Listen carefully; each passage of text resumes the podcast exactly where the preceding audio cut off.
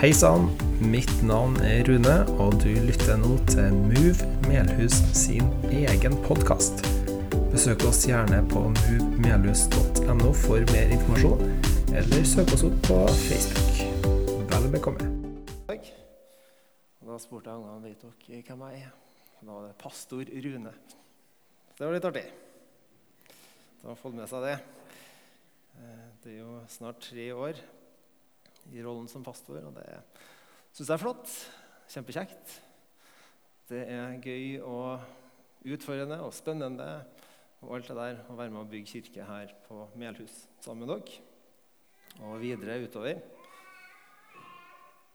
Og ja Helt til Senegal, i hvert fall. Kanskje lenger òg etter hvert. Veldig spennende. Vi har i høst eh, hatt et overhengende tema som vi har kalt livslang tilhørighet. Livslang tilhørighet til menigheten. Eh, Livslangt fellesskap til Gud. Jeg håper at det eh, kanskje har vært med og satt noen spor i deg. Kanskje utfordra deg på noen områder. Håper at det kan gi frukter etter hvert.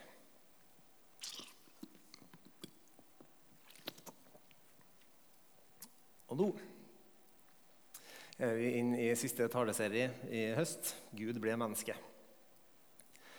2020 blir også et veldig spennende år. Jeg kjenner at det kribler litt i kroppen. Vi skal være med og sende ut familien Skogesal til Senegal. Eh, vi skal ha en forbønnshandling for dem etter talen i dag.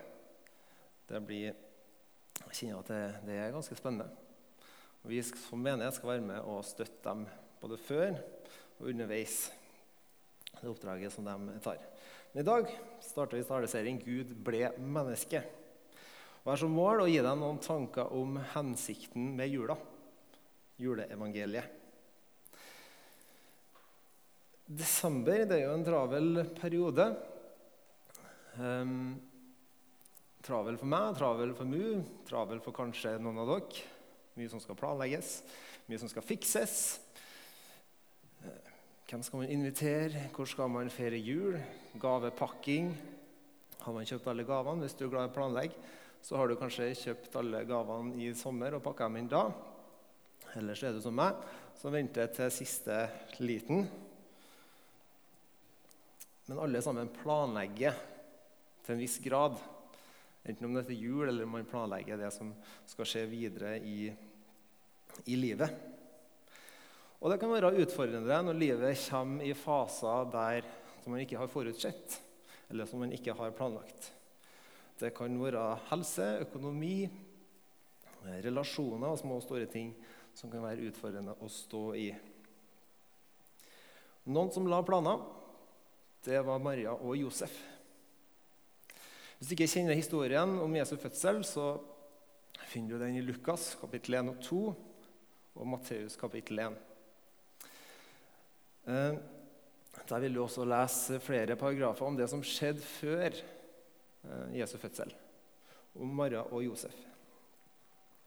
Men du får med kun høydepunktene. Det strekkes over flere måneder. her. Eh, Hvis du hadde oppsummert ditt år, 2019, i tre paragrafer, så er det høydepunktene som har kommet med. Men detaljene de hadde ikke hatt plass til. Så det jeg har lyst til å se på i dag, er hvordan hva, hva var det som skjedde? Hva er det som ikke står, men som vi kan lese litt mellom linjene?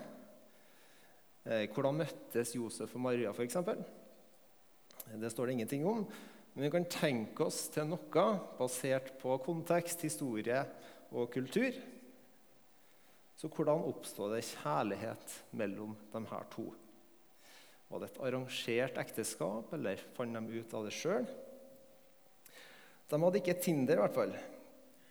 Og datingapper og det som er populært i dag. Jeg ble litt inspirert sist helg, eh, der jeg hørte på en som viste til sin første kommunikasjon med sin kone. Der hun så tilbake på, eh, på Messenger-historien sin, og så tenkte jeg at det skulle jeg gjøre. Så jeg slo opp eh, for å se litt på hva var det første jeg og Lisa, min kone, snakka om. Nå skjer det noe her.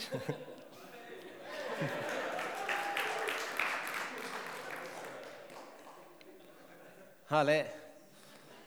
Da kan vi ta et dypdykk inn i min første kommunikasjon med min kone. Det er to personer som er glad i hverandre, eller glad, interessert i hverandre. Vi har et profesjonelt forhold, vi er ikke sammen der.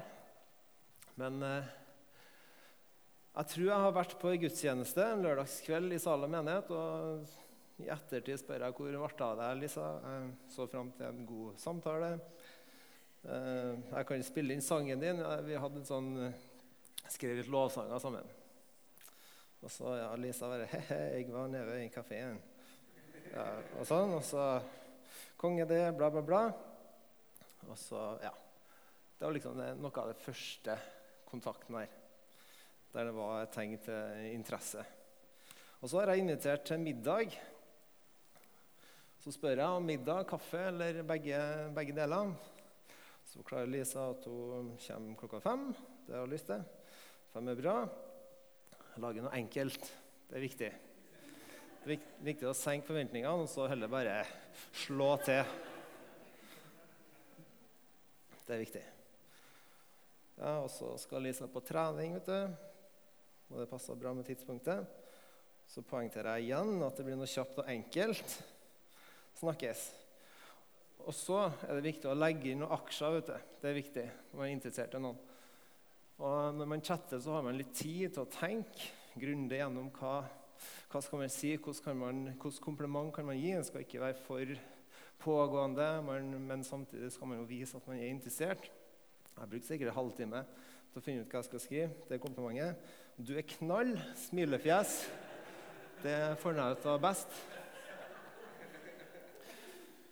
Lisa svarer ikke på komplimentet og sier 'oi, oi, for en luksus'. Og så får jeg komplimentet tilbake. Vet du. du er krutt og futt. og så tilbake til middagen. Ikke forvent noe. Det er viktig. Ja, og Så spoler vi fram, og så ser vi at vi, det har skjedd noe. Og da kommer komplimentene. vet du. Det er egentlig ikke viktig. Så det var, først, det, det var, det var sånn vi, vi møttes. Og så har jeg lyst til å leke litt med tanken på hvordan det oppsto eh, søt musikk mellom Mara og Josef. Og så har jeg lyst til å ta den trivelige versjonen. Så håper dere er med på den. Eh, det vi vet, er jo at Mara var ei gudfryktig jente. Så eh, jeg ser for meg at hun fikk opplæring i det jødiske tempelet. Og mest sannsynlig var ei ung tenåring. Og kanskje hadde de en sånn tenåringssamling på, på tempelet da. Um, og der var de, Hun hørte om profetiene Jesaja og den kommende frelseren. Og der hadde hun lagt merke til en, en litt eldre gutt med navn Josef. Og så prates de tilfeldigvis, og kjemien er ganske god. Josef er snekker, og han har jo lyst til å vise fram sine kunster. Så han lager jo eh, små leker til barnearbeidet i tempelet. Barnearbeidet er viktig. Og så eh, møtes de igjen. Sant? Og så Josef han bestemmer seg for at nå skal han trå til, så han inviterer på kaffe på Kaffe Nasaret. Den beste kafeen i Nasaret. Kanskje den eneste på en veldig liten landsby.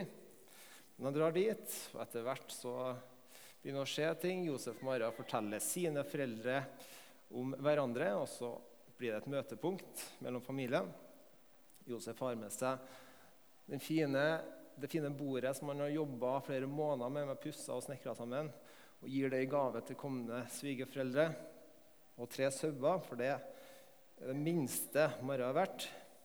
Og så får han den anerkjennelsen som han trenger. Du, du er godtatt, du er godkjent. Så inviterer han Maria med ut. Går de en tur, og så frir han. Så får han sitt ja.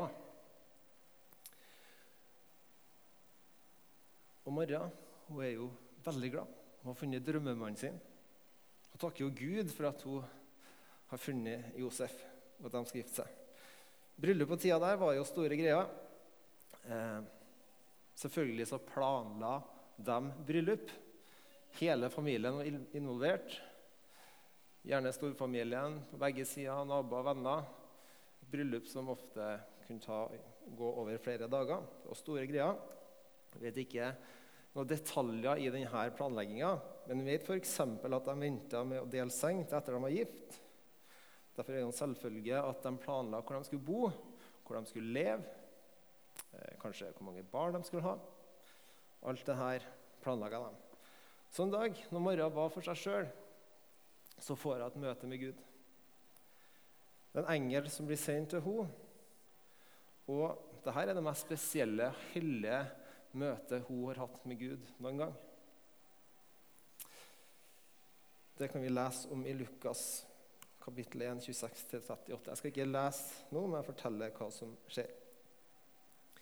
Engelen forklarer Maria at hun er utvalgt, at hun skal få en sønn. Engelen forklarer at denne sønnen vil bli enormt mektig.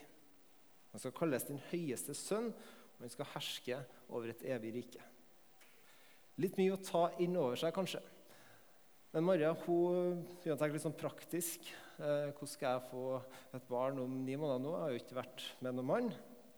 Og engelen forklarer at hun skal bli gravid ved hjelp av Den hellige ånds kraft. Og at hun skal føde Guds sønn. Ingenting er umulig for Gud. Og Så svarer hun, 'Se, jeg er Herrens tjenestekvinne. La det skje med meg etter ditt ord.' Med andre ord, jeg stiller meg disponibel. La din vilje skje, Gud. Tenk deg da, Hun elsker Gud, hun elsker Josef. Hun kan jo selvfølgelig ikke vente med å fortelle det her til Josef. Så ved første mulighet så drar hun over til Josef og forteller at hun er gravid. Hvis vi tenker oss om hvordan ville du eller jeg som mann reagert da hvis det hadde skjedd meg? Jeg tror jeg ville ha blitt veldig sint. Gravid. Så vis meg hvem det er. Husk på, det her er mennesker med ekte følelser. Jeg tipper at Josef ble sint, sønderknust. Jeg tipper at framtida som lå foran, ble lagt i grus. En kultur der forlovelse var omtrent like bindende som ekteskapet. Josef så vel for seg utstøtelsen, ydmykheten, der han var nødt til å forklare familie, venner, relasjoner at barnet hun bærer på, det er ikke mitt. Utroskap og ekteskapsbrudd, det var fryktelig skamfullt. Vi vet ikke hvordan han reagerte, men vi kan lese resultatet i Matteus 1, vers 19. Hennes mann Josef, som var rettferdig, ville ikke føre skam over henne. Derfor ønska han å løse henne fra forlovelsen i stillhet. Han ønska å skille seg fra i stillhet. Men her leser jeg at dette er en mann som har eh, respekt, og, og som er glad i forloveden sin, som ikke ønsker å føre noe skam over henne. Men vi kan skjønne at dette er en mann som er sønderknust, ydmyka. Så har du Marias perspektiv igjen. Hun vil nå være ei fraskilt kvinne. Eh, alenemor i en kultur der det bærer mye skam over seg, og med små muligheter til å komme seg videre. Og Vi kan forstå hva de tenker. Gud, det her er ikke det jeg har planlagt. Jeg prøver bare å gjøre det du har bedt meg om. Dette er ufattelig urettferdig Det er kanskje ikke enkelt å relatere seg til akkurat situasjonen her. Men vi befinner oss ofte i omstendigheter som vi ikke har planlagt eller sett for oss. Så En sannhet som jeg har lyst til at du skal eh, ta med deg, som jeg har stjålet av Craig Groschell. Du trenger ikke å forstå omstendighetene for å stole på at Gud har en hensikt. Gud har alltid en hensikt. Sjøl om det ikke alltid går som vi tenker sjøl eller ønsker sjøl, så har Gud en hensikt. Vi har ofte en plan, Gud har en hensikt. Ordspråkene 1921. Det er mange tanker i menneskehjertet, men det er Herrens vilje som skjer. Etter at Josef har bestemt seg for å skille seg, så blir han møtt av Herrens engel i en drøm som bekrefter det Maria har sagt. Hæ? Er det sant, det hun sa? Så kan vi nesten høre at Gud hvisker til, til Josef at mine tanker er høyere enn dine tanker. Mine veier er større enn dine veier. Vi trenger ikke å forstå alt alltid for å stole på at Gud har en hensikt. La meg ta et eksempel fra mitt eget liv. For elleve år siden var jeg forlova med en person som jeg trodde jeg skulle tilbringe resten av livet sammen med.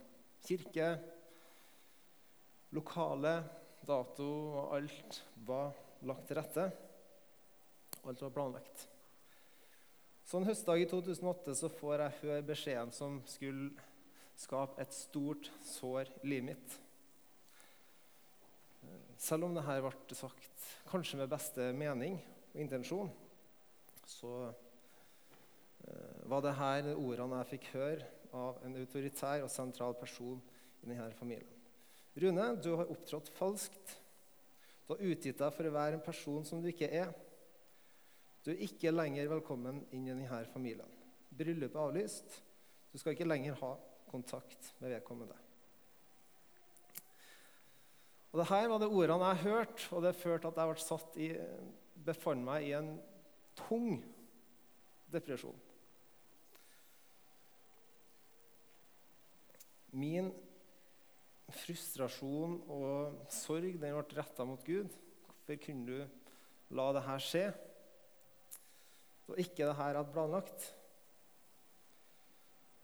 Eh, jeg fikk eh, jeg tok avstand fra Gud en liten periode, for jeg var så, jeg var så sint. Og befant meg i en, setting der jeg fikk et, u, et usunt forhold til alkohol. Eh, Såra kanskje personer rundt meg, gjorde ting som ikke var bra.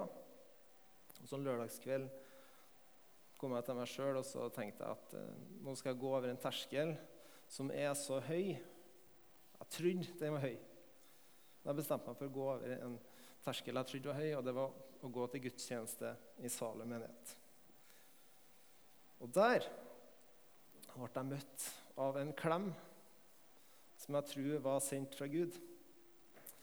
Det er den største og beste klemmen jeg noen gang har fått. Eh, all bagasje og all fordømmelse, alt bare rant av. Jeg hadde ikke planlagt å bli bevega nå, men når jeg ser mor mi med tårer, da blir det sånn. Eh, og denne personen som jeg tror ble brukt av Gud, da, inviterte meg videre inn i lovsangs, eh, et lovsangsteam. Og sa Rune, du skal være med her. Så fikk jeg lov til å bli utrusta. Fikk lov til å bruke eh, gavene som Gud har lagt i meg. Ehm, I det teamet der så møtte jeg Lisa, som jeg nå er gift med. Ehm, og jeg torde mer og mer å stille meg disponibel for Gud. Bruk meg, Gud. Og nå står jeg her på grunn av mye av det her som har skjedd i dette fellesskapet i Salem. Så står jeg her. Jeg har ei kone som jeg elsker, tre barn. Det er ikke for å skryte, men jeg føler meg fantastisk heldig og velsigna. Jeg står her med mikrofon foran muren eh, til tross for at jeg har mikrofonskrekk. Jeg har en liten grad av sosial angst. Kanskje en stor grad. Eh, men jeg står her.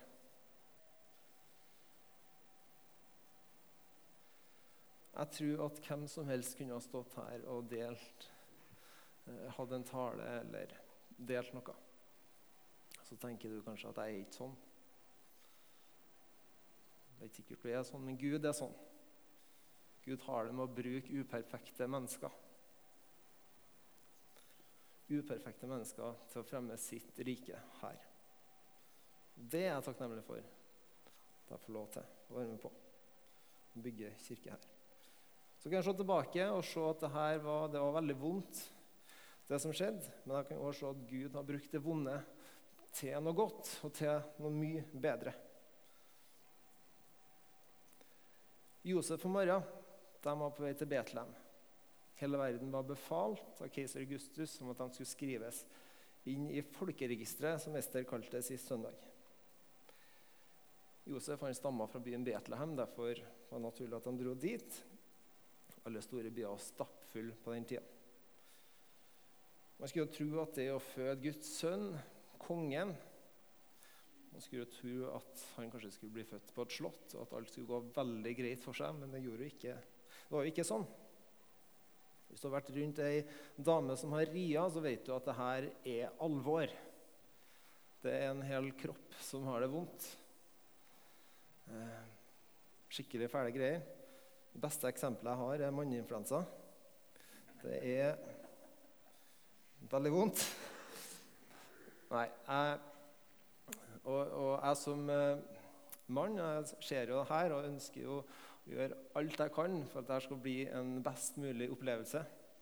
Prøve å legge mye til rette. Varme opp bilen, sånn, kjøre til til sykehuset der blir møtt av sykepleiere og jordmødre som har god erfaring og som er med og setter de rammene her til å gjøre det tryggest, tryggest mulig. Sånn var det ikke for Mara og Josef. De hadde ikke en oppvarma Nissan Liv. De dro rundt på et esel i en overfylt by. Neppe et drømmescenario. Jeg skulle tro at eh, Guds sønn skulle bli født med himmelsk epidural og bare sånn ut. Sånn var det ikke.